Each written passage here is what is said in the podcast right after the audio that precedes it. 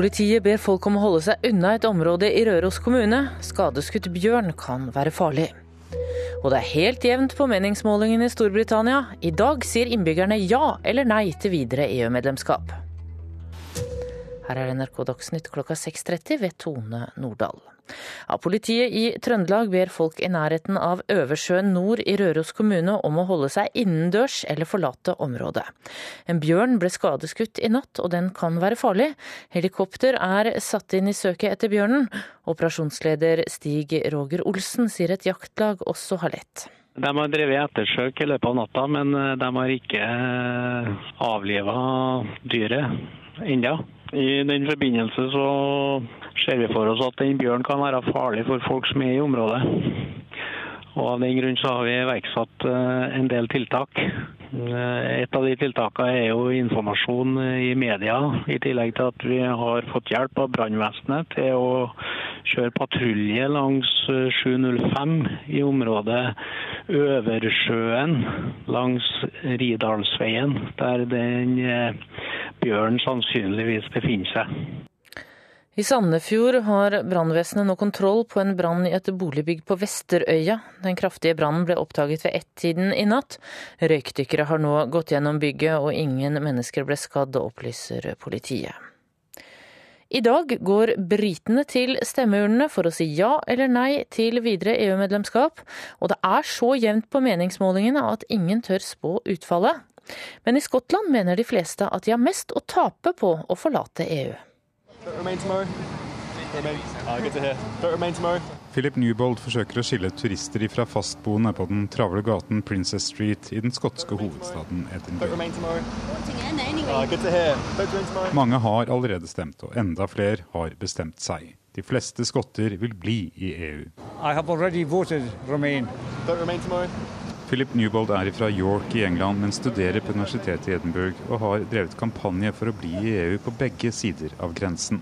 I feel like in Scotland people tend to see it being an English problem to a big extent. Selv om det er få i Skottland som sier de vil stemme for å forlate EU, er argumentene til de som ønsker det, ofte de samme som lenger sør. At Storbritannia trenger å ta tilbake kontrollen over innvandring, lovgivning og økonomi. Et flertall av i hovedsak engelskmenn kan komme til å stemme skottene ut av EU mot deres vilje. Da kommer kravet om en ny folkeavstemning om skotsk uavhengighet. Det ønsker ikke bonden Ken Durston, men han er sikker på at kravet kommer. Reporter i Skottland er Philip Lote.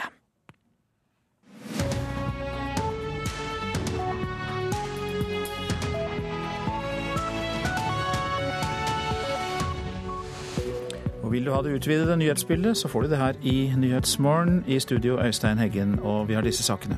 Kaotiske tilstander i den amerikanske kongressen. Demokrater med protestaksjon for å få republikanerne med på en avstemning om strengere våpenkontroll. Tyske politikere vil ha Storbritannia innenfor EU for å hindre at Tyskland får en for sterk rolle i unionen. Rapport fra Berlin snart. Eldrebølgen kan, eh, eldrebølgen kan bidra til å holde rentene i både Norge og Sverige svært lave i mange år, og flere pårørende klager på den behandlingen deres slektninger får på sykehjem. Kritikken har økt etter en artikkel fra Tore Westrin i Aftenposten på mandag som har berørt mange. Ja, Det var kaotiske tilstander i den amerikanske kongressen i natt. Eh, demokratiske medlemmer i Representantenes hus krevde avstemning om nye våpenlover. Republikanerne avviste kravet, og dermed brøt det ut protester.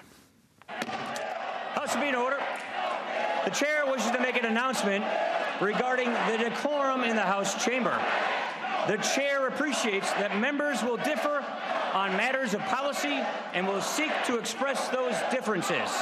Utenriksmedarbeider Jan Espen Kruse, ganske uvanlig å høre fra den amerikanske kongressen?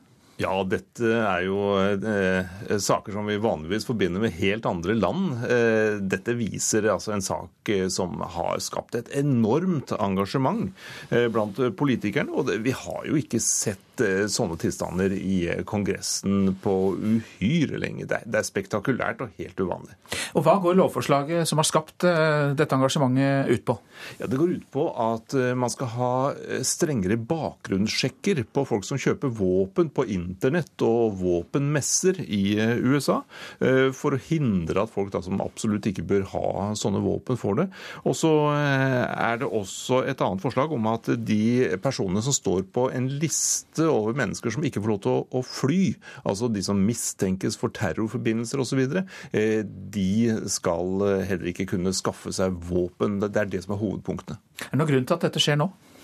Ja, det er naturligvis etter eh, denne skytemassakren i Orlando nylig, eh, der 49 uskyldige mennesker ble drept. Det er det som har ført til denne voldsomme debatten i eh, USA, den verste massakren av denne typen i landets historie, eh, har jo ført til at eh, kravene nå om strengere kontroll når det gjelder kjøp av våpen, at det kommer opp igjen. Og nå er det da i politikken, og demokratene bruker jo dette litt i valgkampen, må vi regne med. Dette er jo en sak som vekker veldig sterke følelser. Ja, har president Barack Obama involvert seg eller kommentert? Ja, han har kommentert det på sosiale medier og sier at dette er flott, dette er på høy tid. Eh, vi må gjøre noe for å hindre at disse menneskene som ikke skal ha våpen, får skaffe seg det. Dette var jo da en såpass stor batalje, kan vi si, uro, at de vanlige fjernsynsoverføringene fra Kongressen ble stanset. Men likevel så kom informasjonen ut. Ja, og det er dette her selskapet C-SPAN som eh, vanligvis overfører disse sendingene fra Kongressen. Dørgende kjedelig TV som regel. Men eh, de stengte altså av eh, sendingene, men de overførte via sosiale medier. Eh, fra eh, telefoner som ble brukt, eh, mobiltelefoner som ble brukt til å overføre overføre dette her. Og det er faktisk første gang at eh, noe slikt har eh, skjedd. Så det er en helt ny utvikling på dette området i USA. Takk skal du ha. Dette var altså om det kaoset som oppsto i natt eh, norsk tid i Representantenes hus i den amerikanske kongressen. I dag går britene til urnene for å avgjøre landets framtid innenfor eller utenfor EU. Valglokalene åpner klokka åtte norsk tid. Men britene er ikke de eneste som er opptatt av eh, brexit. I Europas største og mektigste land, Tyskland, er det to eh, emner som eh, overskygger alt annet. EM i fotball og en eventuell britisk utmeldelse av EU. Og reporter David Krekling i Berlin, fortell oss mer om hvorfor den tyske regjeringen og kanskje også de fleste tyskere ønsker at Storbritannia skal bli i EU. Ja, Det kan høres ut som et uh, paradoks, men tyskerne vil at uh, britene skal bli i EU for å hindre at de selv får for mye makt. Tyskland er opptatt av at EU skal være en union i balanse. Uh, Tyskland har allerede i dag en svært dominerende stilling, og de oppfatter Storbritannia som en motpol til seg selv når det gjelder synet på hvor EU skal gå videre. De mener også at denne motpolen er nødvendig for å balansere unionen. Dersom britene forsvinner, kommer Tysklands dominerende rolle til å bli ytterligere forsterket, og de må da ta en lederrolle i Europa som de ikke ønsker. Samtidig er de engstelige for at mindre stater i Europa kan begynne å frykte tysk dominans ved en brexit, og derfor alliere seg mot Tyskland. Og Hvilke følger for økonomien ser tyskerne av en britisk utmeldelse av unionen? For økonomien er jo viktig for Tyskland? Ja, økonomien er veldig viktig for Tyskland, og Tyskland er jo Europas største økonomi. Eh, også den største eksportøren av varer. Eh, og En av de viktigste handelspartnerne er Storbritannia. Eh, I en undersøkelse jeg har lest, så sier fire av ti tyske selskaper at de forventer at de blir økonomisk straffet av en brexit. Hvis man ser på de store selskapene, så er dette ytterligere forsterket. Der sier 53% at de tror de kommer til å tape på en brexit. Samtidig er det en reell frykt for at London som finanssentrum vil forsvinne. Det vil gi store uroligheter i markedet, og bl.a. Deutsche Bank har signalisert at de kommer til å flytte hjem sine 9000 finansansatte i London hjem til Frankfurt ved en brexit. Hva for øvrig er det forventet at uh, tyskerne kommer til å gjøre dersom britene i dag da likevel stemmer for å forlate EU? Jeg har bl.a. snakket med parlamentarisk nestleder i sosialdemokratiske SPD og flere andre, og også lest en rekke uttalelser fra fremstående politikere og næringslivsfolk i Tyskland. Alle er enige om én ting. Hvis britene går ut, så blir det ingen sweet deal eller royal treatment. Storbritannia vil måtte forholde seg til EU, og de må forhandle fram en ny eh, avtale. Eh, I Tyskland så sier de at denne avtalen må bli så dårlig at man skremmer andre EU-land som tenker på en exit, fra å gå ut. både Aksel Schæfer i SPD og finansminister Wolfgang Schäuble i CDU har kommet med uttalelser i den retningen. Schäfer da han sa til meg i går at han heller vil ha et sterkt Storbritannia som et sterkt land i Europa enn et lite England som en liten øy i Nordsjøen. Og Schäuble når han sier at britene etter en eventuell brexit og uh, etter at de har hatt disse forhandlingene, vil innse hvilken fatale feil de har gjort, og at de da vil ønske å komme tilbake til unionen. Takk for den rapporten fra Berlin, reporter David Krekling. Og vi fortsetter med brexit, som er tema for mange aviser. I dag kan britene splitte Europa, skriver Aftenposten. Frykter følelsene vil ta britene ut av EU, sier den norske London-baserte milliardæren Christian Siem til Dagens Næringsliv. Britene vil ikke like den norske modellen med en EØS-avtale, sier statsminister Erna Solberg til Dagsavisen. En tippekupong dekker VGs forside, der de har satt typiske britiske fenomener opp mot kontinentaleuropeiske. Fish and chips eller froskelår, dronning Elisabeth eller Angela Merkel, Shakespeare eller Sokrates. Og slik holder de på til tolv kamper er fylt ut. Ny avis truer pressestøtten, er oppslaget i Klassekampen. Magne Lerøe kan i dag få støtte i Medietilsynet til sin digitale dagsavis Dagens Perspektiv.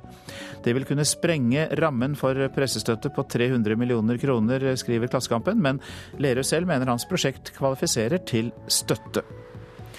Nils Ole Oftebro dro til utlandet for å redde potensen, er oppslaget i Dagbladet. 71-åringen fikk prostatakreft og valgte behandling i utlandet for å ikke miste potensen. Rikshospitalet nekter å ta imot alvorlig syke barn fra Sørlandet, kan vi lese i Fedrelandsvennen. Sykehuset i Oslo mener barna får for dårlig behandling når de kommer tilbake til Sørlandet sykehus. Sykehusene skal nå ha møter om saken etter sommeren. Han flyktet til Norge for å leve trygt som homofil, skriver Vårt Land om Raid Basha fra Syria, som skal feire Oslo Pride denne uka. Det var i alt 68 asylsøkere som ba om beskyttelse på bakgrunn av sin seksuelle legning i fjor. En av tre fikk bli her i landet. Fett er et kjempeproblem du må ta på alvor, skriver Nordlys, og avisa tenker da ikke på det du har i deg, men det du heller ut i kloakk- og avløpssystemet. Dine egne rør kan bli tette, men stadig oftere må også kommunens folk suge, hakke og spyle fett for å unngå tette rør og tette pumpestasjoner. Det er advarselen fra vann- og avløpssjef i Tromsø, Geir Helø. Verdensmester i akrobatisk hanggliding Jon Gjerde vil produsere strøm av de sterke vindene høyt der oppe, kan vi lese i Bergens Tidende. Selskapet Kitemill vil lage strøm ved hjelp av drager. Det er den ytterste delen av rotorblader som fungerer som vindmølle, og skal altså sende strøm ned til basestasjoner på bakken. Ja, etter å ha slått Østerrike i fotball-EM i går, er Island eh, utrolig nok, kan vi vel tillate oss å si, klare for åttendedelsfinale, og der møter de England. Mens eh, Norge, Danmark og nå også Sverige må stå på sidelinjen og se på, så er det landslaget fra Sagaøya som skal forsvare Nordens ære videre.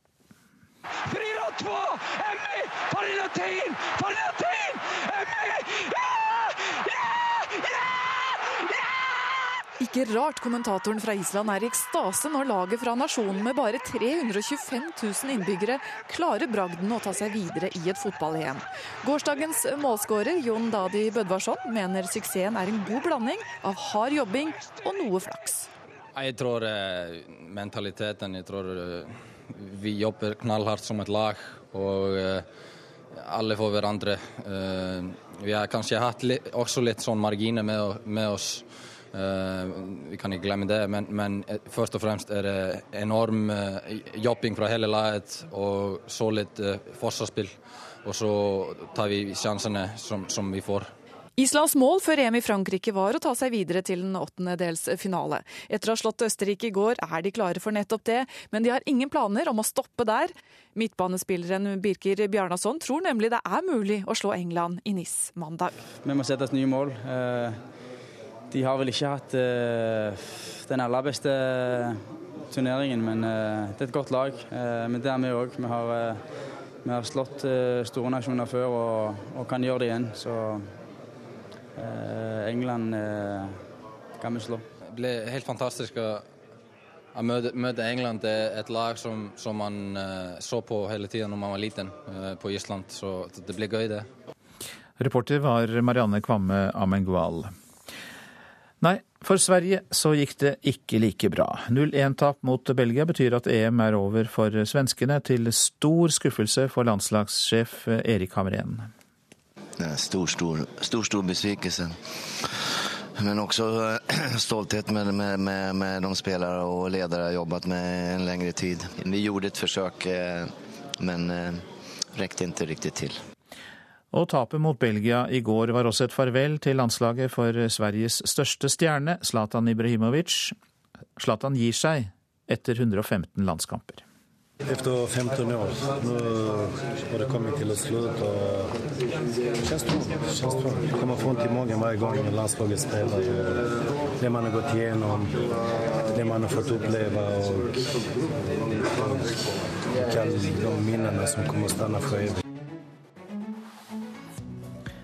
Klokka har passert kvart på sju, og dette er hovedsaker.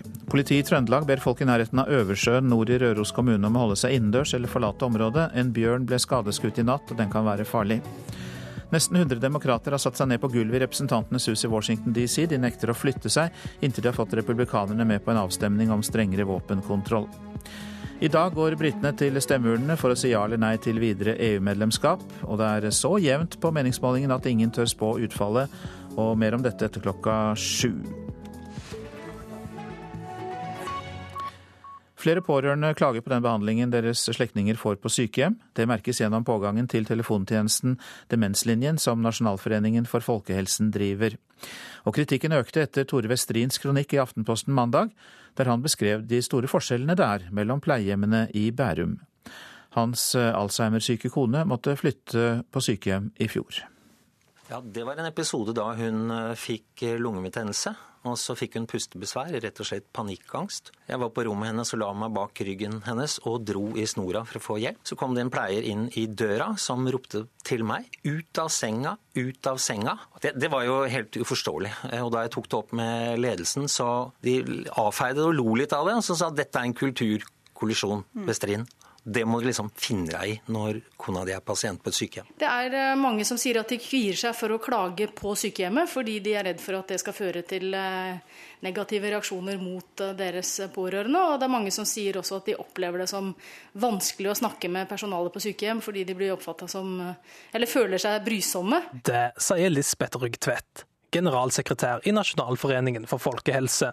De har ei døgnåpen demenslinje for pasienter og pårørende. Også helseminister Bent Høie innrømmer i Dagsnytt 18 at folk har grunn til å klage. Min erfaring er jeg reiser og besøker veldig mange sykehjem rundt omkring i hele landet. Jeg kan nesten føle idet jeg går inn dørene, eh, på forskjellen knytta til ledelsen på, på, de ulike stedene. Og det er òg i samme kommuner. Statsministeren har òg engasjert seg her i en pressekonferanse i går. Jeg vet ikke hvor mange av dere som leste eventuelt Tore Westrin sin kronikk som nettopp gikk til kjernen av en av utfordringene. Vi kan ofte i politisk debatt diskutere hvor mye penger som blir bevilget, men det er også et spørsmål om kvaliteten som leveres, som et spørsmål om lederskap. Helsetilsynet har tidligere sagt at altfor få eldre og pårørende klager på behandlingen som blir gitt med norske pleiehjem. Men den trenden kan se ut til å snu etter debatten rundt pleiehjem har blussa opp igjen, forteller Demenslinja. Til vår demenslinje så er det 3000 mennesker som ringer årlig, og veldig mange av de til vanlig tar opp eh, problemer ved sykehjemmene. Jeg har et eksempel fra en dame som ringte i dag, som eh, sa at hennes ektefelle hadde, eller hun hadde fått beskjed om at hennes ektefelle ikke kunne regne med å komme noe særlig ut denne sommeren. Det reagerte hun naturlig veldig sterkt på, og hun sa jo at nå etter denne debatten som hadde vært i Aftenposten og NRK, så følte hun økt trygghet i forhold til å klage og ta opp det, og det syns jeg var veldig bra. Telefonen har òg gløda hos mannen bak kronikken. Jeg har eh, opplevd en eh, enorm respons på det jeg har tatt opp. Det er veldig mange pårørende som ringer og takker meg, og forteller eh, tilsvarende historier fra sykehjem de har erfaring med. Og så er det veldig mange fra helsevesenet som ringer meg.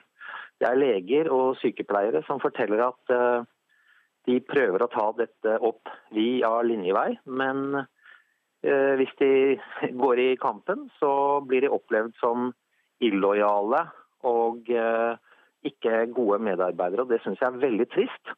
At eh, folk som har ryggrad, tvinges til taushet. Det sa Tore Westrin til reporter Ola Solheim. Eldrebølgen kan bidra til å holde rentene i både Norge og Sverige svært lave i mange år. Det sier Sveriges sentralbanksjef til NRK. I dag kommer en ny rentebeslutning fra Norges Bank, og renta er jo allerede tidenes laveste. Men i Sverige, der er rentene allerede i minus. Det her med negativ rente. For vår del så har det fungert anmerkningsvært vel. Da har vi en periode med lave renter i hele verden, og det kommer ikke vi ifra sier Stefan Ingves, Sveriges sentralbanksjef. Svenskene har nå en styringsrente på minus 0,5% Norge holder fremdeles stand med en plussrente på 0,5. Men også her i landet har rentene falt betydelig de siste årene. Og flere økonomer tror det bare er et spørsmål om tid før også Norge har renter under null. Altså, nå er ikke lave og, og, negative renter en sånn ønskesituasjon. Eh, lave renter er jo, er jo et tegn på at det er noen utfordringer i økonomien både her og der. Sier Øystein Olsen, Norges sentralbanksjef. De to kollegene møttes på Norges Banks 200-årsjubileum forrige uke. Der et viktig bakteppe var minusrentene i bl.a. Sverige, Danmark, Sveits og Japan. Men eh, det er slik at eh, vi har, vi har selvfølgelig satt oss inn i hvordan eh, ting fungerer, hvordan gjennomslaget i bankrenter bl.a. blir når rentene kommer ned mot null og enda litt eh, lavere. Så Norges Bank er, er, er godt forberedt på alle, alle muligheter. Olsen presiserer at uttalelsene overhodet ikke må tolkes som noe signal om hva som blir rentekunngjøringen klokka ti i formiddag. Men Sveriges sentralbanksjef tror også Norge må venne seg til lavrenteæraen først som sist i länder av Sveriges og Norges typ, Finland, Japan er likadana, så har vi en snabbt åldrande befolkning. Og når man har en snabbt åldrande befolkning, da tenderer de her eldre människorna å spara veldig mye og ikke konsumere så mye. Da finnes det et stort utbud av, av, av penger, og da faller rentene, eller da förblir rentene låga. Så det er absolut en faktor som spelar roll på litt lengre sikt. Kan dette være en situasjon som pågår i mange år, ja tiår framover også? Det vet vi ikke, men hele syftet med, med, som, med, den negative renta som vi i dag har i Sverige, det er jo å få opp inflasjonen. Så det er jo ikke så at det finnes et mål å ha negativ rente hvor lenge som helst, utan det er jo snarere så at det her er ett sett att, att hålla igång den økonomiske utviklingen tills den liksom sköter seg selv på et bedre sett. Reporter var Sindre Heierdal. En 52 år gammel mann må i dag møte i Jæren tingrett, anklaget for å ha kommet med hatefulle ytringer mot muslimer i en kommentar på Facebook. Det har i vår vært flere dommer for hets mot kjente personer, men det er delte meninger om effekten av å straffeforfølge slike saker. Politiet går til aksjon for å arrestere en mann som har ytra seg hatefullt på nett. NRK var med da politiet i høst aksjonerte mot en mann som i dag må møte i Jæren tingrett. 52-åringen hadde noen dager før kommet med såkalt hatefulle ytringer på Facebook. Om vi nå som ekte nordmenn er rettsløse likevel, så er det kanskje bare å starte jakten på landssvikere og islamistknottene få det ryddet vekk fra jordens overflate, på en måte. 52-åringen har nektet å vedta en bot på 15 000 kroner eller 30 dagers fengselsstraff for brudd på straffelovens paragraf 185. Den rammer bl.a. den som fremmer hat, forfølgelse eller ringeakt på grunnlag av hudfarge, nasjonal eller etnisk opprinnelse, religion eller livssyn. For nordmenn flest har ikke bedt om å få fylt landet med slikt søppel som nå tynger landet. Dette er faktisk en krig det er verdt å dø for. Skrev 52-åringen, som innrømmer handlingen, men nekter straffskyld, sier forsvarer Trine Vabø. Nå må han altså møte i retten for en kombinasjon av ulovlig våpenbesittelse og hatefulle ytringer. Lovgiver har eh, sånn sett altså vært klar på at dette er et område som skal vise oppmerksomhet. Sier politiinspektør Bjørn Andersen i Sør-Vest politidistrikt. I Oslo ble tallet på hatkrimanmeldelser doblet i fjor, og politi og rettsvesen landet rundt må i stadig større grad håndtere spørsmål om hvor grensen går for ytringsfriheten.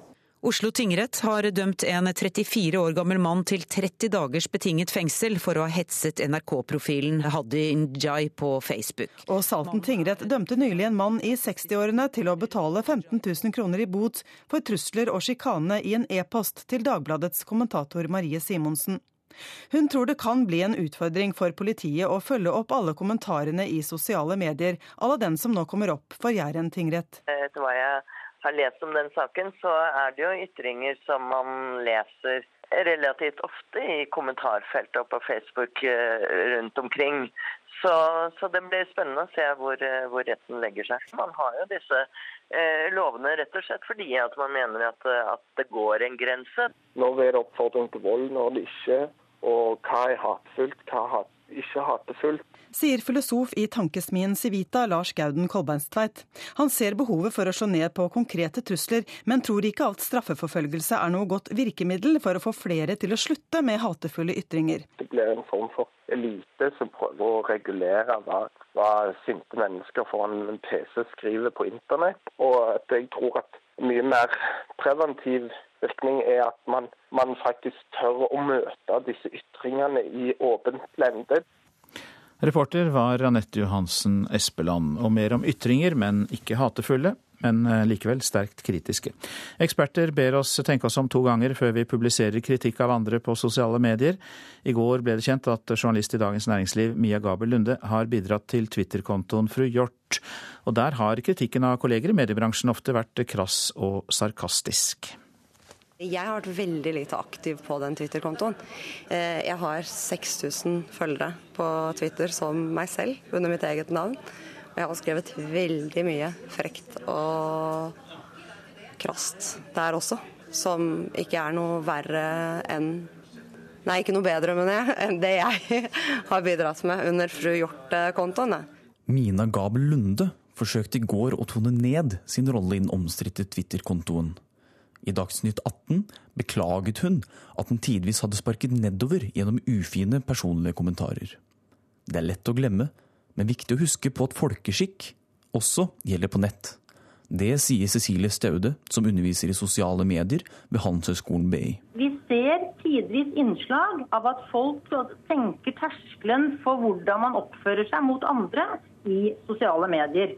Og det er nok det at det er lett tilgjengelig, det er lavterskel på bruk, og at man ikke alltid tenker seg godt nok om før vi trykker på send-knappen. Det tror jeg er viktige ingredienser til at det noen ganger blir sånn. Å trykke på send-knappen kan få fatale konsekvenser. Og de fleste stopper nok i tide. Men terskelen er kanskje ikke like høy for anonyme ytrere, sier blogger og digitalrådgiver Trine Grung. Det er mye lettere å sitte bak et tastatur og kommentere og kanskje òg det er så enkelt å gjøre det med et eh, pseudonym, en trenger ikke være seg sjøl. Det er en negativ utvikling av eh, kommunikasjon digitalt i aller høyeste grad. Det er det. Får vi gjort noe med det? Det tviler jeg på. Ida Aalen er medieviter og fagbokforfatter av boken 'Sosiale medier'. Hun mener at listen for krasse ytringer er høyere for anonyme innlegg. Hvis noen f.eks. Uh, eh, skriver uh, nedlatende ting om deg, og du ikke vet hvem det er, så får man jo den dobbelte usikkerheten. Da. Er det, liksom, er det en av kollegaene mine som gjør det? Er det noen jeg kjenner? Liksom? Er det noen som går bak ryggen min? Trine Grung har flere ganger opplevd at leserne tolker innlegg annerledes enn det hun hadde tenkt. De som vil ha en stemme i sosiale medier, må være oppmerksomme på at slikt kan skje, påpeker hun. Så Det handler jo bare om den som kommuniserer, så kan ikke forvente at mottaker nødvendigvis oppfatter det sånn som det var ment å bli kommunisert. For det skrevne ord er vanskelig, og spesielt de som da skal være ironiske til enhver tid. For alle forstår ikke ironi. Alle har ikke den samme type humor. Så det er en veldig, veldig vanskelig balanse. Reporter her var Philip Johannesborg. Så tar vi for oss værvarselet fram til midnatt. Det østafjelske og fjelltraktene i Sør-Norge. Enkelte regnbyger i nordvestlige og nordlige fjellområder, ellers mest oppholdsvær. I lavlandet opphold først på dagen, utover ettermiddagen litt regn i kystområdene. Først kommer regnet på Sørlandet, fra kvelden også regn på Østlandet sør for Oslo. Men trolig ingen nedbør i Innlandet. Vestlandet, Trøndelag, Nordland og Troms. Eh, dette området ser vi samlet, og det blir noen regnbyger, men også gløtt av sol.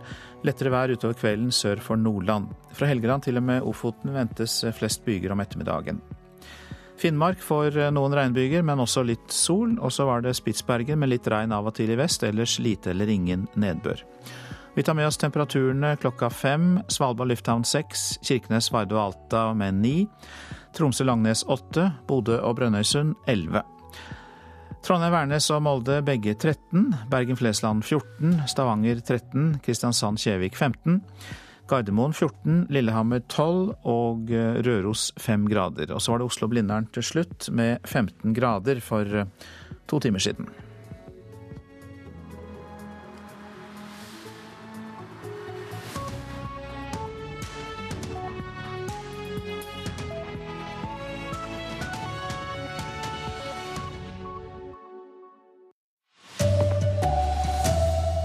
Protestaksjon i den amerikanske kongressen. Demokrater krever avstemning om strengere våpenkontroll. Og Demenslinjen opplever økt pågang. Mange pårørende er fortvilet over dårlig omsorg. Her er NRK Dagsnytt klokka sju ved Tone Nordahl. Det var kaotiske tilstander i den amerikanske kongressen i natt. Demokratiske medlemmer i Representantenes hus krevde avstemning om nye våpenlover. Republikanerne avviste kravet, og dermed brøt ut protester. Utenriksmedarbeider Jan Espen Kruse forteller hva forslaget går ut på. Det går ut på at eh, man skal ha eh, strengere bakgrunnssjekker på folk som kjøper våpen på internett og våpenmesser i eh, USA, for å hindre at folk da, som absolutt ikke bør ha sånne våpen, får det. Og så er det også et annet forslag om at de personene som står på en liste over mennesker som ikke får lov til å fly, altså de som mistenkes for terrorforbindelser osv., de skal heller ikke kunne skaffe seg våpen. Det er det som er hovedpoenget hovedpunktene. Her hjemme ber politiet i Trøndelag folk i nærheten av Øversjøen nord i Røros kommune om å holde seg innendørs eller forlate området. En bjørn ble skadeskutt i området i natt, og den kan være farlig for mennesker. Det er satt inn helikopter i søket etter bjørnen, og de siste meldingene går ut på at de nå har sett bjørnen fra helikopteret. Det er en stor økning blant pårørende som ringer Demenslinjen for å klage på pleiehjem. Det skjer etter en kronikk i Aftenposten på mandag. Der kritiserte Tore Westrin ledelsen ved et pleiehjem i Bærum etter at hans Alzheimer-syke kone måtte flytte på sykehjem i fjor. Flere har nå fått mot til å si fra etter debatten som har vært. Det sier generalsekretær i Nasjonalforeningen for folkehelse, Lisbeth Rugtvedt. Ja, Vi har merka en uh, merkbart større pågang enn det vi vanligvis har på denne tiden av året. Jeg har et eksempel fra en dame som ringte i dag, som uh, sa at uh, hun hadde fått beskjed om at hennes ektefelle ikke kunne regne med å komme noe særlig ut denne sommeren. Det reagerte hun naturlig veldig sterkt på, og hun sa jo at nå etter denne debatten som hadde vært i Aftenposten og NRK, så følte hun økt trygghet i forhold til å klage og ta opp det, og det syns jeg var veldig bra. Og både helseminister Bent Høie og statsminister Erna Solberg har tatt til orde for å rydde opp i forholdene på sykehjemmene. Fra og med november får alle kvinner som er født etter 1990 tilbud om gratis HPV-vaksine her i landet. HPV er et seksuelt overførbart virus som kan forårsake livmorhalskreft. Vaksinen består av tre doser som blir satt i løpet av seks til tolv måneder. Og ifølge Folkehelseinstituttet skal tilbudet om gratis vaksine gjelde i to år.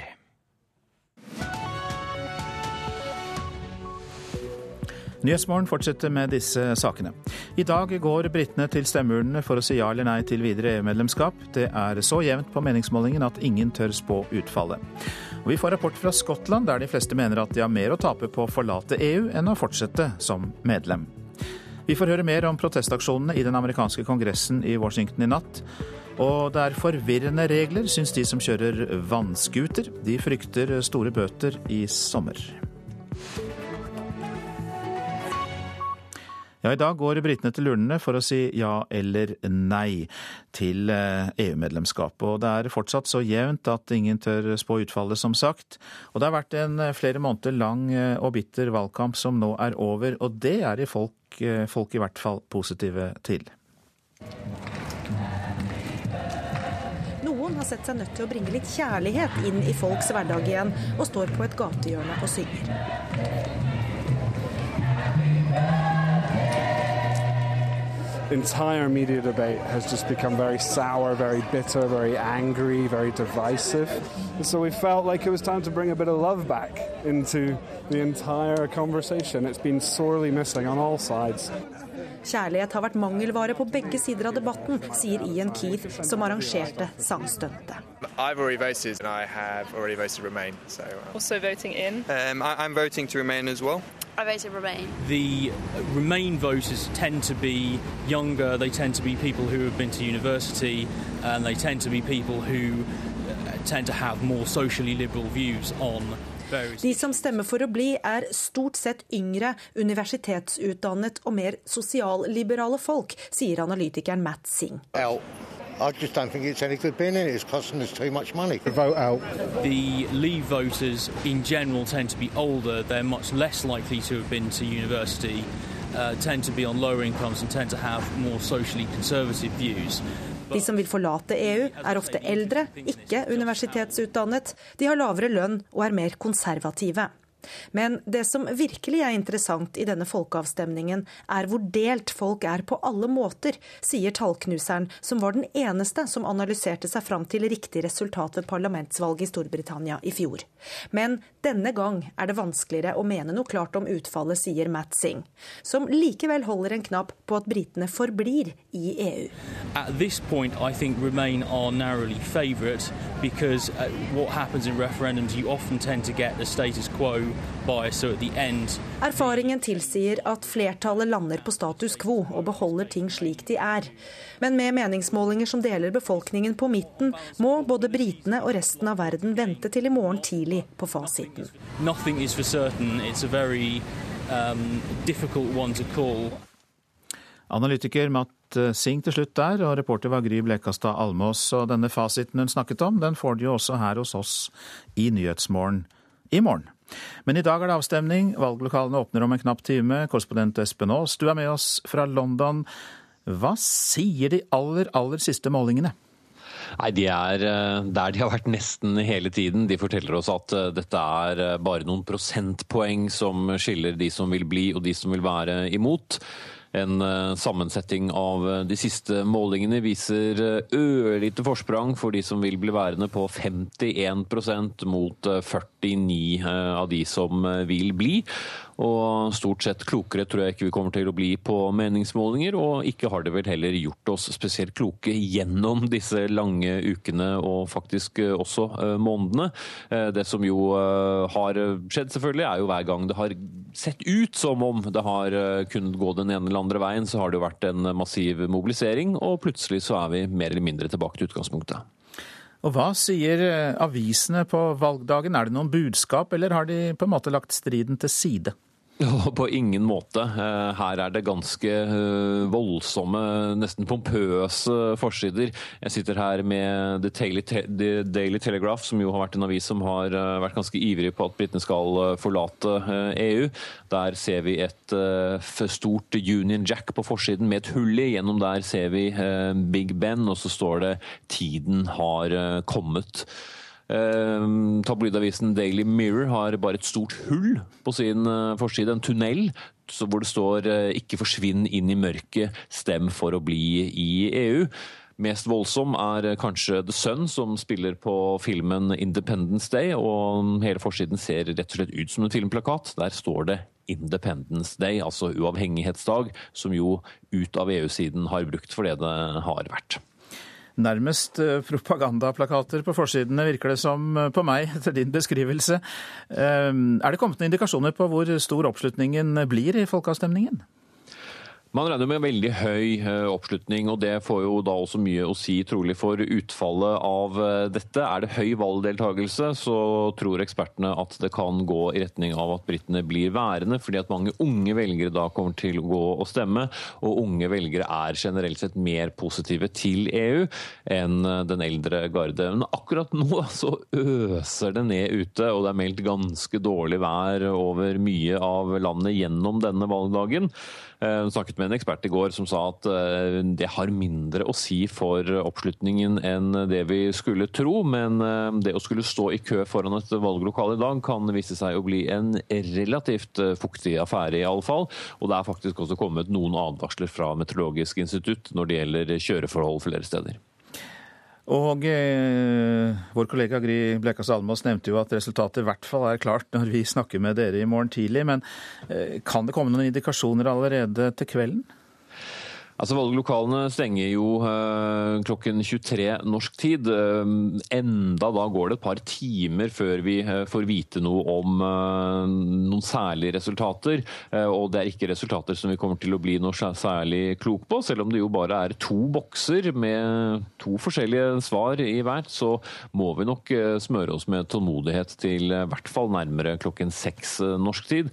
Kanskje klokken sju som nå. Så vi er nok fortsatt et døgn unna men klokken sju norsk tid så regner eh, de fleste med at alt, så mye skal være talt opp at vi kan gi en indikasjon, selv om det skulle bli veldig, veldig tett, slik jo meningsmålingen altså så absolutt indikerer.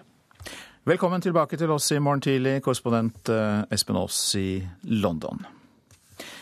Mens EU eh, e aldri har vært helt enkelt for engelskmennene, så er det mange skotter som ikke syns byråkratene i Brussel er noe verre enn de byråkratene som holder til i Westminster i London. De aller fleste nord for den skotsk-engelske grensen mener de har mer å tape på å gå ut av EU enn å bli værende. Og reporter Philip Lote, han har tatt temperaturen på gata i Edinburgh. Don't remain tomorrow. Don't remain tomorrow. Hear. Don't remain tomorrow.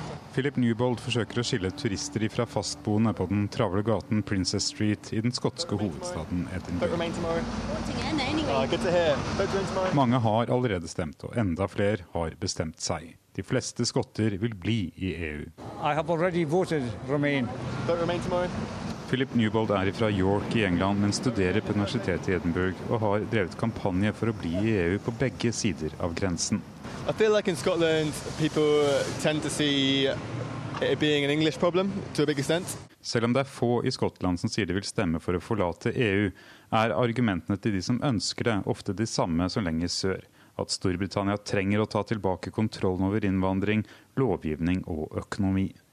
Um, it will be the same argument as in England that immigration is ruining the country, um, that Britain is somehow strong enough to stand by itself and doesn't need its friends and neighbours in Europe uh, that the only way we can really regain control of our country is by leaving the EU. Ken Darston er potet- og kornbonde. Han håper inderlig at Storbritannia blir i EU. Because I think it's safer to be in than out. And I'm a farmer, and we depend a lot on Europe for for our income. Well, all I would hope is that we don't get another referendum. Uh, let's stay united. Og det er det som gjør situasjonen i Skottland spesiell. Et flertall av i hovedsak engelskmenn kan komme til å stemme skottene ut av EU mot deres vilje. Da kommer kravet om en ny folkeavstemning om skotsk uavhengighet. Det ønsker ikke bonden Ken Durston, men han er sikker på at kravet kommer. I think it is very likely they will do, which I hope they don't get. For Ken Burson har samme syn på EU som på Storbritannia.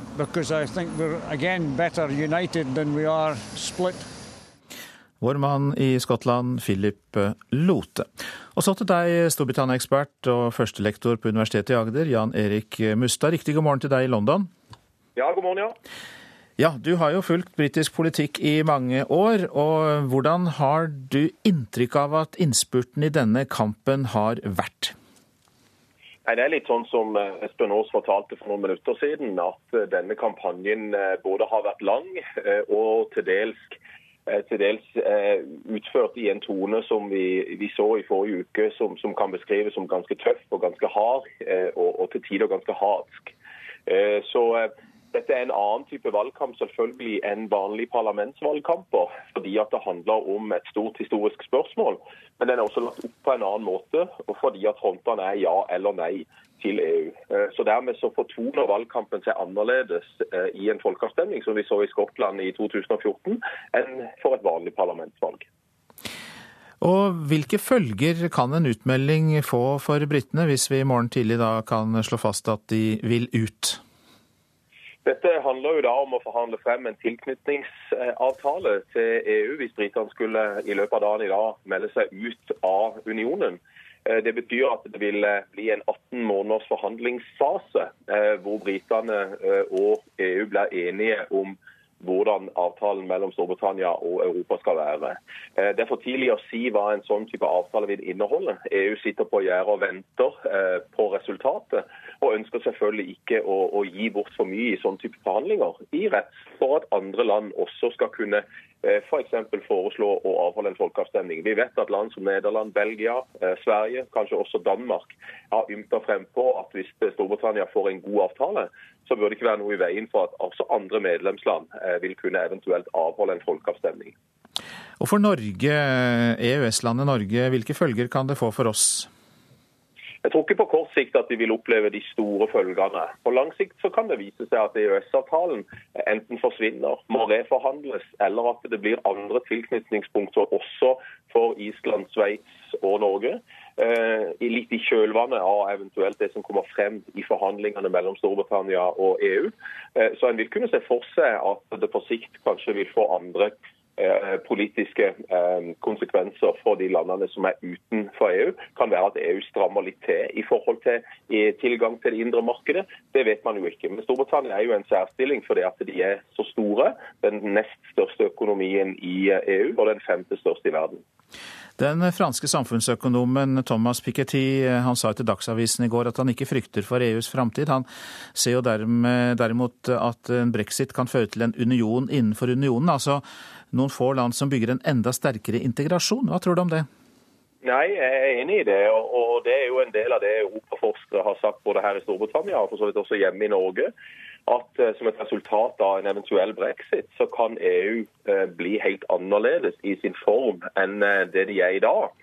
Og Det kan være at de store landene i EU, i den gamle delen av Vest-Europa, former allianser eh, som, som, er kanskje mer likt det EU vi ser i dag. Mens at det er en del andre i medlemsland som er medlemsland i dag, eh, som vil ha en annen type tilknytning til EU enn, enn kanskje det som ligger i dag, hvor det er full likhet mellom alle EU-landene. Så jeg skal ikke se bort ifra at Piketty har et poeng i forhold til at det vil bli kanskje forskjellige konstellasjoner innad i EU, fordi at Storbritannia nå har denne folkeavstemningen, og hvis de nå skulle vise seg å stemme seg sjøl ut av EU. Mange takk skal du ha, Jan Erik Mustad, som er Storbritannia-ekspert og førstelektor på Universitetet i Agder. Klokka nærmer seg 7.17. Dette er hovedsaker. Vi har fått inn melding om at den skadeskutte bjørnen ved Øversjøen nord i Røros kommune er skutt. Det opplyser politiet. Politiet i Trøndelag ba folk eh, i området holde seg innendørs eller forlate området før bjørnen ble skutt, men eh, for den kunne være farlig. Eh, politiet sier altså nå at situasjonen er under kontroll. Og det er altså klokka åtte norsk tid. Britene går til stemmeurnene for å si ja eller nei til videre EU-medlemskap. Og det er så jevnt på meningsmålingene, har vi hørt, at ingen tør spå utfallet. Og det var kaotiske tilstander i den amerikanske kongressen i natt. Det skal vi straks eh, høre mer om. For det var slik at demokratiske medlemmer i Representantenes hus krevde avstemning om nye våpenlover. Og da republikanerne avviste dette kravet, dette altså Kongressen i USA, så brøt det ut protester.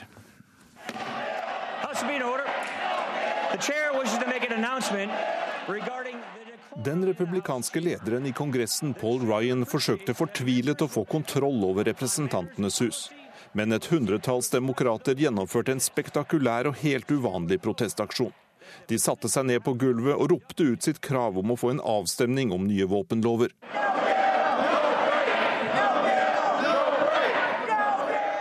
Uten en lov, ingen pause, ropte demokratene taktfast. De holdt på i tolv timer og langt inn i natta. Etter skytemassakren i Orlando, der 49 mennesker ble drept, krever demokratene at det må bli strengere bakgrunnssjekk for personer som ønsker å kjøpe våpen på internett og på våpenmesser i USA. Dessuten mener de at personer som myndighetene mistenker for forbindelser til terrorgrupper, ikke må få kjøpe våpen. You can help us win this battle, America. Call your representative up. Call these Republicans up on the phone. Vi vil ha en avstemning, sa demokraten Mike Dole og henvendte seg direkte til den amerikanske befolkningen. We calling on the leadership of the House to bring common sense gun control legislation to the House floor. Give us a vote! Vi ber ledelsen i Representantenes hus om å stemme over de fornuftige lovforslagene om våpenkontroll, sa det demokratiske kongressmedlemmet John Lewis. Han er kjent som en borgerrettsaktivist som arbeidet sammen med Martin Luther King på 1960-tallet. På sosiale medier takket president Barack Obama demokratene i Kongressen for protestaksjonen. Det er nå vi virkelig trenger nye våpenlover, understreket presidenten. TV-selskapet C-SPAN overfører normalt det som skjer i Kongressen, men under protestene ble de vanlige sendingene stanset. Men for første gang overførte selskapet direkte bilder via sosiale medier. Kongressen har svært mange ganger tidligere drøftet strengere våpenlover, noe som har betydelig støtte i befolkningen. Men ingen av lovforslagene har blitt vedtatt av de folkevalgte. Sa reporter Jan Espen Kruse. Nå til Norge og fengslene her, for de vil ha ned tallet på overdosedødsfall etter soning. Innsatte med rusproblemer har økt risiko for å dø av overdose i ukene etter løslatelse. Og I et pilotprosjekt skal rusmisbrukere nå få bedre informasjon og oppfølging når de slipper ut. Det er et helt nødvendig tiltak, mener en tidligere innsatt i Bergen. Jeg fikk første fengselsdom da jeg var 1920. Da fikk jeg en tiårsdom for uh, um, mye voldssaker og innbrudd og, og narko. Vi treffer Tim på et treningssenter på Laksevåg i Bergen. Han er i slutten av 30-årene småbarnsfar og veltrent. Det er umulig å se at han allerede i 16-årsalderen var tung rusmisbruker. Det begynte det med, med, alkohol, og så gikk det videre til hasj og piller, og speed og syre. Nå vil helsemyndighetene ha tiltak for å få ned tallet på overdoser i ukene etter soning opiatavhengige som blir løslatt og har vært en tid uten opiater, så kort som en ukes tid, så vil toleransegrensen i kroppen være null. Det sier inspektør i Bergen fengsel, Pål Skogen. Man regner med at en eh, fra 8 til 16 ganger forhøyet risiko for overdosedødsfall etter løslatelse. Bergen er ett av tre norske fengsler som nå er med på et pilotprosjekt. Målet er å få ned tallet på overdosedødsfall. I Norge dør rundt 260 mennesker av overdose hvert år, ifølge Helsedirektoratet. Overdose er ett av disse områdene hvor vi har relativt uh, høye tall, sammenlignet med andre land vi liker å sammenligne oss med. Det sier Anne Grete Kjellanger i Helsedirektoratet. Hun leder det nasjonale pasientsikkerhetsprogrammet, som har ansvar for prosjektet. Flere tiltak kan bidra til å få ned dødsfallet, sier hun. Mer informasjon til rusavhengige annet om overdosefaren er et av de. Rusavhengige skal også kunne gå ut av fengselet med minst én konkret avtale om oppfølging, f.eks. med Nav, helsevesen eller frivillige organisasjoner. Vi har også tilbakemeldinger om at eh, denne informasjonen bl.a. eh, vi gir i dette prosjektet om overdosefare og livredning, har reddet liv. Og, og det vi tenker på dette området, er at redder vi ett liv, så er det verdt hele denne innsatsen. I første omgang er det fengselet Bergen, Hedmark og Trondheim som er med i pilotprosjektet. Det eh, var en jeg kjente ganske godt som eh, kom ut av fengsel. Jeg hadde sittet en åtte-ni måneder, tror jeg det var. Og han kom ut, spiste veldig mange piller. Og så kjøpte han seg en liten dose med heroin. Noe som var mye mindre enn han var vant til. Men det var nok til at han strøk med. I går var det fire år på dagen siden Tim ble rusfri. Han vet at det også for han kunne gått så fryktelig gale. Men i fengselet fikk han vite om Trappen motiveringssenter. En frivillig organisasjon som tilbyr hjelp og oppfølging av rusavhengige etter fengselsoppholdet. For han ble det redningen, og i dag jobber han selv som motivator her. Det er ikke bare bare det å møte byen du er ifra, når du har så mye bekjentskap og sånt. Det sier 25 år gamle Marco. Han begynte å ruse seg i 13-årsalderen. Men her på trappen har han fått hjelpen han trengte. Og trappen har hjulpet meg veldig, egentlig, det å klare å face hverdagen i Bergen. Det har vært noen humper i veien, da. Men nå har jeg vært helt rusfri siden oktober måned. Og den reportasjen var laget av Siri Løken. Eldrebølgen kan bidra til å holde rentene i både Norge og Sverige svært lave i mange år. Det sier Sveriges sentralbanksjef til NRK. I dag kommer en ny rentebeslutning fra Norges Bank. I Sverige er rentene allerede i minus. Det her med negativ rente. For vår del så har det fungert anmerkningsvært vel. Sier Stefan Ingves, Sveriges sentralbanksjef. Svenskene har nå en styringsrente på minus 0,5 men Sveriges sentralbanksjef tror også Norge må venne seg til lavrenteæraen først som sist. I länder av Sveriges og Norges typ så har vi en snabbt åldrande befolkning. Da tenderer de her eldre menneskene å spare veldig mye og ikke konsumere så mye. Og da faller rentene, eller da forblir rentene lave. Så det er absolutt en faktor som spiller rolle på litt lengre sikt. Sveriges sentralbanksjef Stefan Ingres til reporter Sindre Heierdal. Så var det avisene. Brexit er tema i mange av dem. I dag kan britene splitte Europa, sier Aftenposten. Frykter følelsen vil ta britene ut av EU, sier den norske London-baserte milliardæren Christian Siem til Dagens Næringsliv. Britene vil ikke like den norske modellen med en EØS-avtale, sier statsminister Erna Solberg til Dagsavisen. En tippekupong dekker VGs forside, der de har satt typiske britiske fenomener opp mot kontinentaleuropeiske. Fish and chips eller froskelår, dronning Elisabeth eller Angela Merkel, Shakespeare eller Sokrates. Og slik eh, holder de på til tolv kamper er fylt ut. Ny avis truer pressestøtten, er oppslaget i Klassekampen. Magne Lerøe kan i dag få støttet i Medietilsynet til sin digitale dagsavis Dagens Perspektiv. Det vil kunne sprenge rammen for pressestøtten på 300 millioner kroner, skriver Klassekampen, men Lerøe mener hans prosjekt kvalifiserer til støtte. Nils Ole Oftebro dro til utlandet for å redde potensen, er oppslaget i Dagbladet. 71-åringen fikk prostatakreft og valgte altså behandling i utlandet for å ikke miste potensen. Rikshospitalet nekter å ta imot alvorlig syke barn fra Sørlandet, kan vi lese i Federlandsvennen. Sykehuset i Oslo mener barn får for dårlig behandling når de kommer tilbake til Sørlandet sykehus. Og sykehusene da må ha et møte om dette etter sommeren. Han flyktet til Norge for å leve trygt som homofil, skriver Vårt Land om Raed Basha fra Syria, som skal feire Oslo Pride denne uka. Det var i alt 68 asylsøkere som ba om beskyttelse på bakgrunn av sin seksuelle legning i fjor. Én av tre fikk bli i landet. Fett er et kjempeproblem du må ta på alvor, skriver Nordlys, og avisa tenker ikke på det du har i deg, men det du heller ut i kloakk- og avløpssystemet. Dine egne rør kan bli tette, men stadig oftere må også kommunens folk suge, hakke og spyle fett for å unngå tette rør og pumpestasjoner. Det sier vann- og avløpssjef i Tromsø, Geir Helø. Nå om de som liker å kjøre vannskuter, for de frykter å bli bøtelagt i sommer. Det er fortsatt strenge restriksjoner på bruk av vannskuter, og politiet sier at reglene oppleves som forvirrende. I 65 knop, eller omkring 120 km i timen, suser vannskuterne gjennom bølgene utafor Brevik langs Telemarkskysten. Det går virkelig unna og kjennes skremmende for en nybegynner. Her ute, over 400 meter fra land, er det lovlig. For øvrig er det ulovlig. Lasse Thoresen har brukt mye penger på vannskuter, og frykter det kan bli mer i form av bøter gjennom sommeren. Jeg er redd for det. Eh, det kommer selvfølgelig an på altså, Du fortjener en bot hvis du kjører idiot, men det gjør du hvis du kjører idiot med bil òg. Så da er det bare å bøtelegge de som kjører idiot, og så syns jeg de som bruker eh, sjøen og scooteren for det det er, og har det gøy og koser seg, skal få lov til det. Uten at noe skal være på jakt etter at vi er ute og kjører og har det gøy. På vannskuteren ved siden av sitter Petter Halvorsen. Han er også redd for at det skal bli en kostbar sommer. Jeg er jo litt redd for det. Jeg føler jo at vi er litt jaga, det gjør jeg jo. Men uh, prøver jo å vise hensyn, og da håper jeg jo det går greit.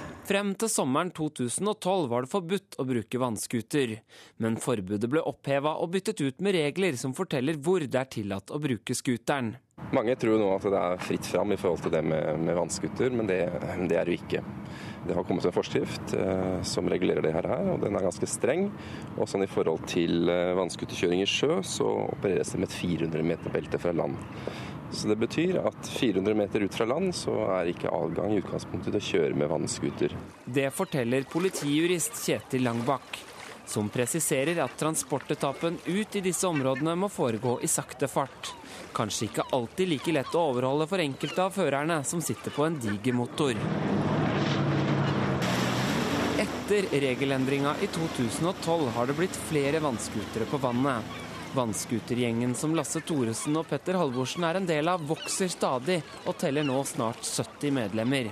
Politiet og Kjetil Langbakk opplever at mange vannskuterførere ikke vet hvilke regler som gjelder. Jeg tror du harsker litt tvil blant folk, hva som egentlig som er gjeldende, gjeldende rett her nå. Så jeg oppfordrer egentlig alle som kjører vannskuter til å sette seg inn i, i forskriften, og den finner en jo på nettet ved å gjøre et kort lite søk.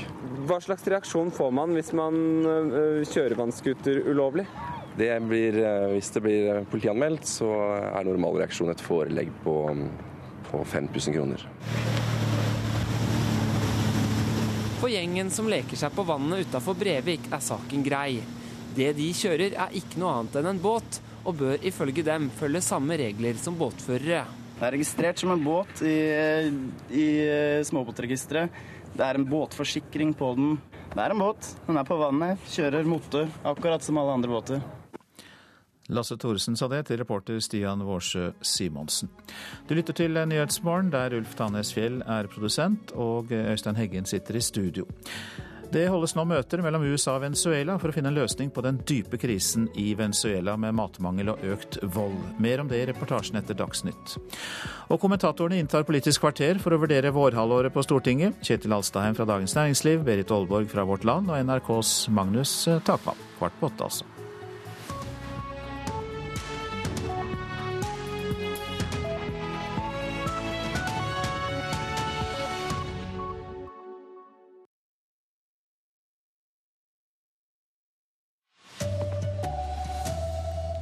Det er en skjebnedag for EU. Om en halv time starter folkeavstemningen i Storbritannia. Demenslinjen opplever økt pågang. Mange pårørende er fortvilet over dårlig omsorg. Og det er kaos og protester i den amerikanske kongressen. Demokrater krever avstemning om strengere våpenkontroll. Her er NRK Dagsnytt klokka 7.30 ved Tone Nordahl. I dag skal britene altså si ja eller nei til videre EU-medlemskap. Fortsatt er det så jevnt på meningsmålingene at ingen tør å spå utfallet. En flere måneder lang og bitter valgkamp er over, og det er folk positive til. Noen har sett seg nødt til å bringe litt kjærlighet inn i folks hverdag igjen, og står på et gatehjørne og synger.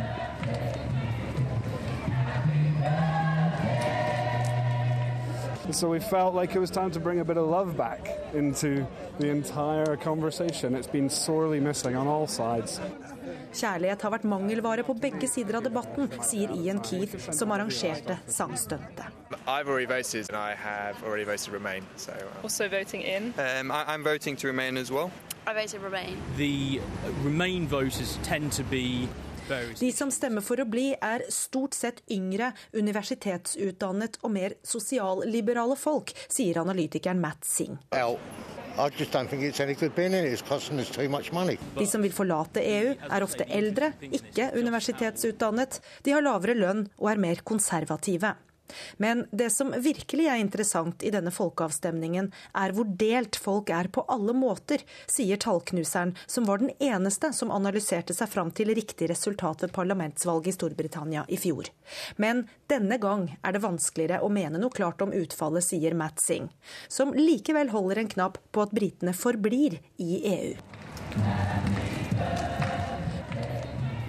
Reporter her var Gry Blekastad Almås. Korrespondent Espen Aas med oss fra London, der valglokalene åpner snart. Hva viser de siste meningsmålingene?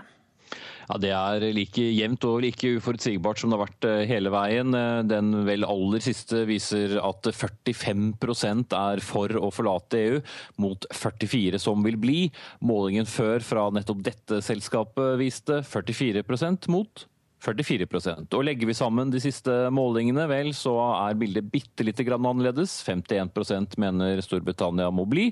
49 sier at eh, de må ut. Så her er det ikke godt å bli klok. Ja, når det er så jevnt, eh, hvordan kan eh, valgdeltakelsen bli da? Indikasjonen er at valgdeltakelsen er høy. Det er eh, veldig mange som registrerte seg for å stemme. Så mange faktisk at nettsiden der man gjør det, krasjet. Og myndighetene her ble nødt til å forlenge den fristen med faktisk to dager, slik at alle som ville kunne registrere seg. Og vel, møter alle opp, så kan det jo selvfølgelig bli, et, eh, bli en voldsom deltakelse. Det, det, skjer jo aldri. Eh, Til sammen så er det jo om lag 46 millioner mennesker i dette landet som kan stemme, men kanskje kan det bli rundt 70 av disse som stemmer, og det er i så fall bra. Ved lokalvalgene her eh, i mai så var det langt lavere valgdeltakelse, men så var det heller ikke den temperaturen som vi har sett eh, ved denne avstemningen. Spennende blir det utover kvelden i alle fall. Takk skal du ha, Espen Aas. Bjørnen som ble skadeskutt ved Øversjøen nord i Røros kommune er avlivet nå, det opplyser politiet. Politiet ba tidligere i dag folk forlate området eller holde seg innendørs etter at bjørnen ble skadeskutt. Helikopter ble satt inn i søket etter bjørnen, og nå er den altså funnet og tatt livet av. Det er en kraftig økning blant pårørende som ringer Demenslinjen for å klage på pleiehjem. Nasjonalforeningen for folkehelsen sier flere har fått mot til å si fra etter Tore Westrins eh, kronikk denne uka. I Aftenposten på mandag beskrev han store forskjeller mellom pleiehjemmene i Bærum. Hans Alzheimer-syke kone måtte flytte på sykehjem i fjor. Jeg reagerte veldig kraftig da det ble satt bleier på kona mi. Eh, og jeg forsøkte å ta det opp gjentatte ganger, komme i dialog med ledelsen, og opplevde at jeg møtte en altså mur. Det er eh, mange som sier at de kvier seg for å klage på sykehjemmet, fordi de er redd for at det skal føre til eh, negative reaksjoner mot deres pårørende. Det sier Lisbeth Rygg-Tvedt generalsekretær i Nasjonalforeningen for folkehelse. De har ei døgnåpen demenslinje for pasienter og pårørende. Helsetilsynet har tidligere sagt at altfor få eldre og pårørende klager på behandlingen som blir gitt med norske pleiehjem. Men den trenden kan se ut til å snu etter debatten rundt pleiehjem har blussa opp igjen. Til vår demenslinje så er det 3000 mennesker som ringer årlig, og veldig mange av de til vanlig eh, tar opp eh, problemer ved sykehjemmene. Jeg har et eksempel fra en dame som ringte i dag, som uh, sa at uh, hennes ektefelle hadde, eller hun hadde fått beskjed om at hennes ektefelle ikke kunne regne med å komme noe særlig ut denne sommeren. Det reagerte hun uh, naturlig veldig sterkt på, og hun sa jo at nå etter denne debatten som hadde vært i Aftenposten og NRK, så følte hun økt trygghet i forhold til å klage og ta opp det, og det syns jeg var veldig bra. Telefonen har òg gløda hos mannen bak kronikken. Det er veldig mange pårørende som ringer og takker meg, og forteller eh, tilsvarende historier fra sykehjem de har erfaring med. Ja, Det sa Tore Westrin til eh, slutt. Reporter var Ola Solheim. Og både statsminister Erna Solberg og helseminister Bent Høie har tatt til orde for å rydde opp i forholdene på sykehjemmene. Det var kaotiske tilstander i den amerikanske kongressen i natt. Demokratiske medlemmer i Representantenes hus krevde avstemning om nye våpenlover. Republikanerne avviste kravet, og dermed brøt det ut protester.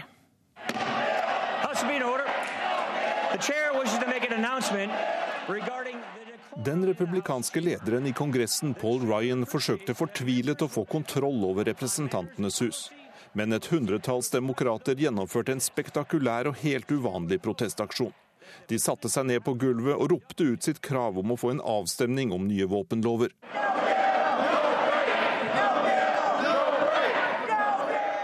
Uten en lov, ingen pause, ropte demokratene taktfast. De holdt på i tolv timer og langt inn i natta. Etter skytemassakren i Orlando, der 49 mennesker ble drept, krever demokratene at det må bli strengere bakgrunnssjekk for personer som ønsker å kjøpe våpen på internett og på våpenmesser i USA. Dessuten mener de at personer som myndighetene mistenker for forbindelser til terrorgrupper, ikke må få kjøpe våpen. We are calling on the leadership of the House to bring common sense gun control legislation vote! Vi ber ledelsen i Representantenes hus om å stemme over de fornuftige lovforslagene om våpenkontroll, sa det demokratiske kongressmedlemmet John Lewis. Han er kjent som en borgerrettsaktivist som arbeidet sammen med Martin Luther King på 1960-tallet. På sosiale medier takket president Barack Obama demokratene i Kongressen for protestaksjonen. Det er nå vi virkelig trenger nye våpenlover, understreket presidenten. Ja, og Noen av demokratene fortsetter aksjonene og har tatt med seg soveposer inn i Kongressen. Reporter var Jan Espen Kruse. Etter å ha slått Østerrike i fotball-EM i går, er Island klare for åttendedelsfinale, og der møter de England. Mens Norge, Danmark og nå også Sverige står på sidelinjen, er det landslaget fra Sagaøya som skal forsvare Nordens ære videre i Frankrike. 4-2!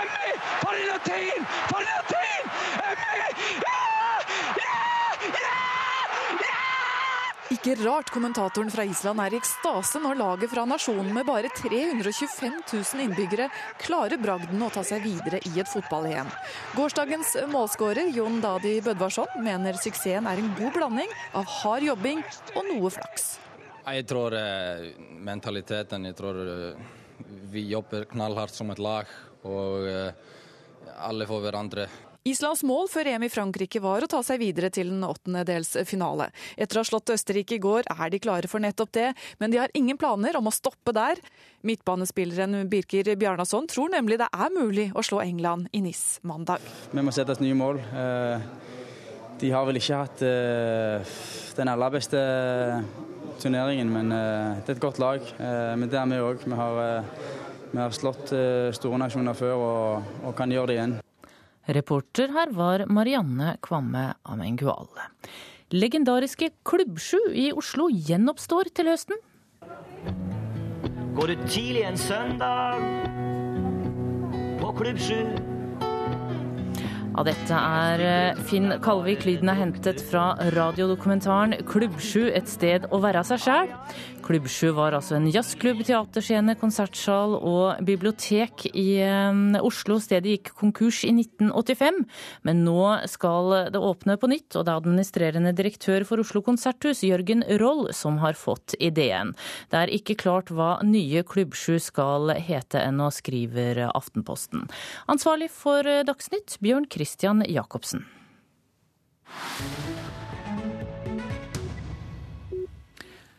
Her i skal vi høre at USA og Venezuela i går fortsatte samtaler om en politisk løsning på den dype krisen i Venezuela.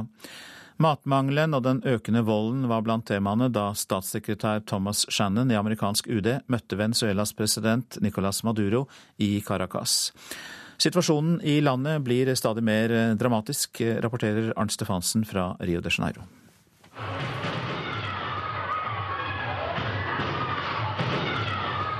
Folk går amok i et supermarked i Venezuela.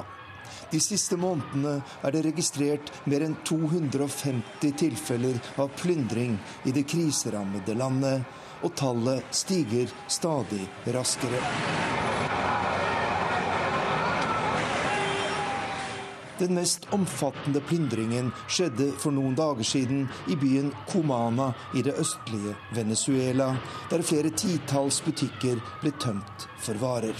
Rundt 400 mennesker ble arrestert etter at lokale myndigheter satte inn militære styrker.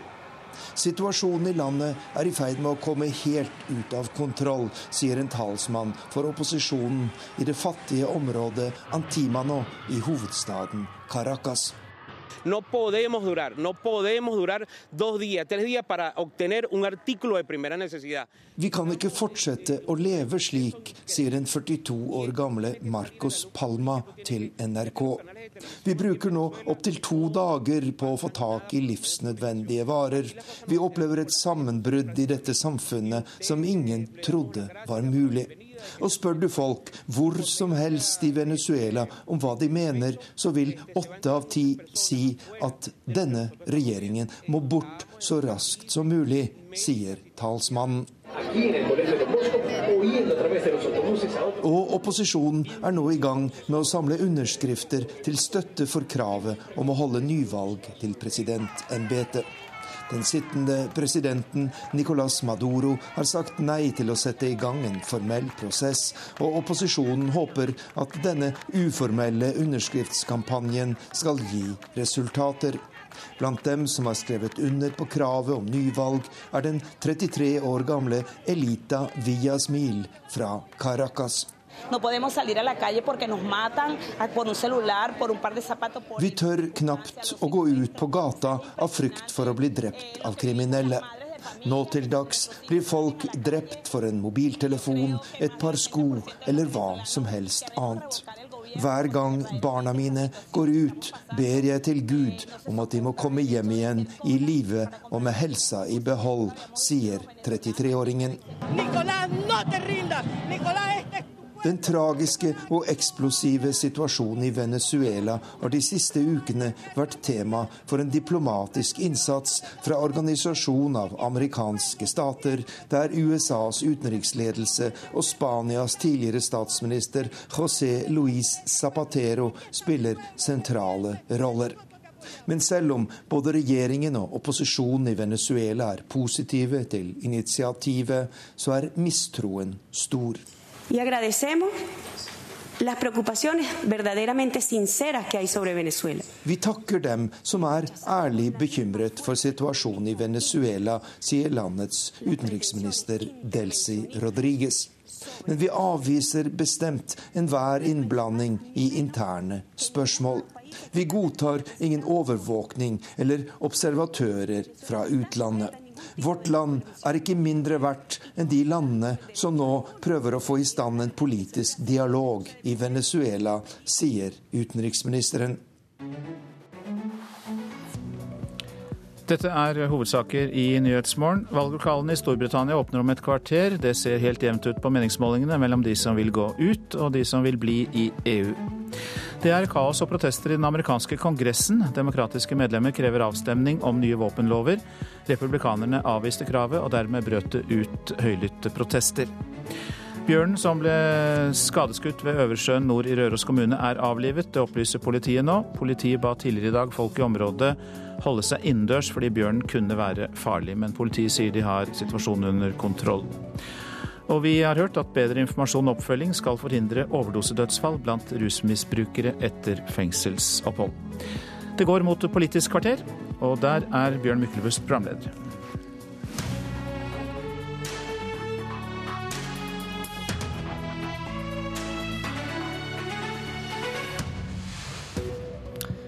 Det er ikke alltid lett å vite hva en statsminister eller en statsministerkandidat mener om samarbeid. Jeg snakker ikke om hva jeg mener om andre på mine regjeringspartiers oppførsel til journalister. Det snakker vi om internt hvis vi har behov for det. Eller om kommende samarbeid. Det er flere muligheter for å få et flertall som vil en annen politikk enn denne regjeringen. Og det er nok for meg å vite før vi går inn i det siste året. I en tid med høy ledighet holder sånne svar sysselsettingen oppe i hvert fall én gruppe kommentatorene. I morgen dykker Politisk kvarter ned i bølgene etter en folkeavstemning. Ikke i en norsk kommune denne gangen, så derfor så blir det sommeravslutning i dag. Velkommen Berit Aalborg, politisk redaktør i Vårt Land. Magnus Takvam, politisk kommentator i NRK, og politisk redaktør i Dagens Næringsliv, fru Hjort Kjetil Alstadheim. Siden jeg var frekk, så skal du få slippe til først, Alstadheim. Tusen, tusen takk. Hvordan går det med kollektivet Høyre og Frp. Vil det som skjedde i vår med FrPs alenegang i asylpolitikken, forfølge regjeringen videre, eller er dette fort glemt? Jeg tror det kommer litt an på hvordan debatten om asyl og innvandring fortsetter. Nå kommer det jo veldig mange færre enn det gjorde i fjor, sånn at det, det kan se ut som den, det er, på en måte er under kontroll. Og da kan den saken bli litt sånn, komme litt i bakgrunnen hvis andre ting blir viktigere, f.eks. ledighet og utvikling i økonomien. Men vi hører om krang krangelen mellom Erna Solberg og Sylvi Listhaug. Hva, med, hva med dette tilsynelatende tillitsbruddet? Det som jeg mener vil henge igjen, er at dette er den største svekkelsen av Erna Solbergs autoritet som statsminister som hun har opplevd i denne perioden. Fordi hun, hun var i Stortinget, hun sa at hun ønsket et forlik. Hun sendte SMS til de andre parlamentariske lederne og sa at regjeringen var på tilbudssiden. Og så viste det seg at det, det, var ikke regjeringen, fordi det var noen andre i regjeringen som ville det annerledes. Så spørsmålet blir jo neste gang Erna Solberg sier noe i Stortinget til de partiene hun skal samarbeide med i en sak, kan de da stole på henne? Mange har stemplet FrPs strategi om å nekte å bli enig med de andre om innstramminger i asylpolitikken for egoistisk og dum. De fikk mindre gjennomslag ved å overlate kompromissene til de andre. Men kan det være at de valgte en god løsning likevel, hvis målet er å kjempe for en strengere politikk på sikt? For hvis de hadde kompromisset, så hadde ikke velgerne fått øye på dem. Nå kan de få økt oppslutning, større gjennomslag, strengere asylpolitikk på sikt. De ofret bare en kortsiktig gevinst. Magnus Takvam. Ja, det er i hvert fall ingen tvil om at eh, Frp selv mener de eh, var tjent med å flagge sin primærpolitikk og minne velgerne om at de eh, står fast på, på den. Og Men jeg tror, altså det, det Frp er livredd for, det er jo å gå i denne såkalte SV-fella. Altså å oppleve noe av det samme som SV gjorde i regjering, og måtte kompromisse for mye på sine kjernesaker, og dermed rett og slett miste troverdighet og oppslutning. Eh, og Derfor har vi sett eh, ikke sant, på område etter, etter, område som går på forholdet til de eldre i trygdeoppgjøret, i eh, miljø- og klimapolitikken med bilavgifter, og nå selvfølgelig også på asyl- og innvandringsfeltet, utslag av noe av det samme. Men det er klart at den måten å tilnærme seg regjeringsarbeid på har jo en pris.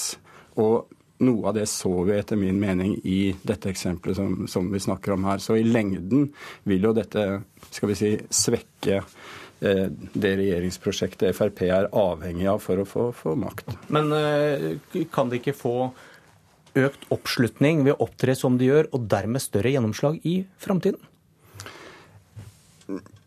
det, det jeg, jeg, tror ikke F, eh, FrPs tilnærming til det å drive kompromiss altså, eh, Noen har sagt at uh, Frp ikke tror på kompromisset som politisk instrument. Og det tror jeg det er en del rett i. Siv Jensen har jo tidligere snakket om at det, det man må gjøre, er å få klare seire og klare nederlag, eh, og ikke denne grå kompromisspolitikken eh, og, og, forsvinne som parti. Og eh, jeg, jeg, tror at Frp eh, her tenker kortsiktig, selvfølgelig for å kunne bruke kjøttvekta senere og få innflytelse. Men som sagt så, så kan prisen vise seg å bli for høy. Aalborg. Ja, altså jeg tror at Det som blir ekstremt vanskelig for Frp å forklare i ettertid, det er at både Høyre og Erna og sentrum sier at hadde Fremskrittspartiet vært inne, i det, eller vært inne og gjort et kompromiss med de andre, så ville faktisk eh, norsk innvandringspolitikk blitt strammere. Og Det er vanskelig for Frp å forklare i ettertid, hvordan de da så å si bare satt og stemte for sine egne punkter uten å prøve å dra politikken i den retninga som de ville ha den. I, I, Vårt Land i dag så skriver dere at dere oppfattet trusler mot de små fra Erna Solberg i går. Ja, Erna Solberg, både på Politisk kvarter her i går og også på pressekonferansen som flere av oss var på, så var hun veldig tydelig på at hvis eh, sentrumsvelgere, altså velgere i Venstre og KrF, er usikre på om de er borgerlige nok, om de vil garantere et borgerlig samarbeid, så kan de heller stemme på Høyre. Og eh, altså, eh, Erna viser dermed også en slags vilje til å presse særlig KrF på plass, sånn at de helt tydelig sier at de vil, vil gå inn i et borgerlig samarbeid eh, ved neste runde. Og jeg vet også at det eksisterer den typen holdninger i Høyre at hvis ikke, Høyre, hvis ikke KrF kommer på plass, så er de villige til å være ganske tøffe i klypa også med å kjøre verdisaker som blir vanskelig for KrF at Høyre er tydelig på hvis de går i et annet type samarbeid. Ja, jeg, det, jeg, tolker jo det som det Erna Solberg sier der, og litt det du har sett i denne våren fra alle disse fire samarbeidspartiene, eh, som at alle har et visst behov for å vise at, det, at de er fire forskjellige partier, og at det, nærmer seg et valgår igjen. Og at de, da får du Alle får behov for å markere seg som, som det de er, og, og fortelle velgerne hvorfor de skal stemme på akkurat dem. Sånn at eh, Jeg syns ikke akkurat det er så veldig dramatisk, men det, det, gjør jo at det blir en litt annen eh, dynamikk mellom de fire partiene. Kanskje, kanskje Erna truer fordi hun har fått trusler selv? Venstres etter hvert berømte 2017-budsjettet må bli tidenes grønneste ellers. Eh, hva er sjansen for at regjeringen klarer å bli enig med Venstre om bensin- og dieselpriser? Jeg tror ikke de blir fullt ut enige i den saken. Og det er jo ikke tilfeldig at man ikke har klart å presentere eh, det arbeidet som disse fire partiene internt skulle gjøre etter eh, budsjettforhandlingene i fjor høst, da man jo løste krisen ved å liksom sette seg ned og skulle følge opp Grønn skattekommisjon og, og, finne en, en, modell for dette. Det har man ikke klart å løse, både pga. konflikten om bensinavgifter mellom eh, sentrum og Frp, og andre ting som f.eks. avgifter på landbruk, som KrF for, for, å redusere klimautslippene fra landbruk. sånn at det er veldig vanskelig eh, uh, materie. Og den drar de nok med seg inn i høstens budsjettforhandlinger også. Det, det høres jo ut som et ultimatum. Tror dere regjeringen kan falle på denne saken? Jeg tror i hvert fall at Venstre kan trekke seg ut av den samarbeidsavtalen. Og Venstre har vært veldig tydelig på at ikke de kan leve med at ikke det blir et såkalt grønt skatteskifte. Eh, og de mener jo, og de sier jo både høyt og har sagt det lenge, Venstre, at, at Erna Solberg har lovt dem at det skal komme et sånt grønt skatteskifte til, til, høsten. Så hvis ikke det kommer, så blir det veldig stor skuffelse i Venstre. Men jeg tror nok eh, altså forventningene i Høyre er skyhøye. Og spørsmålet er om, om, om det man da tenker skal være et grønt skatteskifte, er det de samme ideene i, i Høyre og Fremskrittspartiet. Og det er god grunn til å tro at det ikke er det. Jeg tror nok helt klart at dette, blir, dette, vil bli satt på spissen i budsjettforhandlingene i høst. Men uh, selv om uh, Venstre har kommet med dette ultimatumet, så, så, har de jo ikke definert helt nøyaktig hva som må til for å oppfylle kravet. Sånn at det gir jo et visst handlingsrom da, for, for, å kunne definere et kompromiss til slutt som, som tilstrekkelig. Firerkollektivet lever kanskje til, eh, til neste år, fram til valget. Prosjekt Støre. Støres staur. Hvem skal gi Jonas Gahr Støre makt neste år? Noen som har lyst til å svare på det? Vanskelige spørsmålet. Han holder jo alle dører åpne, sier han. Og det, det, tror jeg nok er lurt av ham, fordi han er avhengig av å se hva slags sammensetning det blir på Stortinget. Og også hvilke muligheter det er for å, å lirke løs eh, Kristelig Folkeparti f.eks. fra den, den, eh, det samarbeidet de er i nå. Ja, det, det, er riktig. Det som, eh, som, man kan kanskje summere opp etter, etter alle disse pressekonferansene, er at ett parti i opposisjon, altså Senterpartiet, er svært tydelig på at altså de vil inn som et posisjonsparti inn i regjering. Sånn at gitt uh, at, at, det blir et flertall for en Arbeiderpartiledet regjering på en eller annen måte, så er det veldig sannsynlig at at, at det kan f.eks. bli en mindretallsregjering av Arbeiderpartiet og Senterpartiet. Ik ikke sikkert det blir sånn, men det er en absolutt realistisk mulighet. Og det tror jeg kanskje det har en nedside for for Støre. Det er klart at alliansen Arbeiderpartiet-Senterpartiet eh, er ikke alltid like attraktivt attraktiv for en del av disse moderne velgerne som de kjemper med Høyre om. Så det er mange eh, skjær i sjøen og, utfordringer også for Støre når han, han skal tenke framover. Det er jo rød-grønt flertall på noen målinger, men hvorfor sliter de med å flytte flere velgere over midtstreken? Altså En måte å se det, eller en forklar, mulig forklaring på det er at eh, opposisjon og posisjon er ikke så tydelig. Det er ikke så eh, tydelig to fronter som står mot hverandre, med en klar leder for opposisjonen. Fordi regjeringsprosjektet på en måte har begge deler i seg selv. Det er både opposisjon og posisjon internt blant de fire regjeringspartiene, og også blant, mellom Høyre og Frp til tider. slik at forestillingen om liksom, en opposisjon mot regjeringen blir eh, vannet ut og visket ut. Og da opplever jeg nok at eh, Arbeiderpartiet, som også konkurrerer på sakene, eh, f.eks.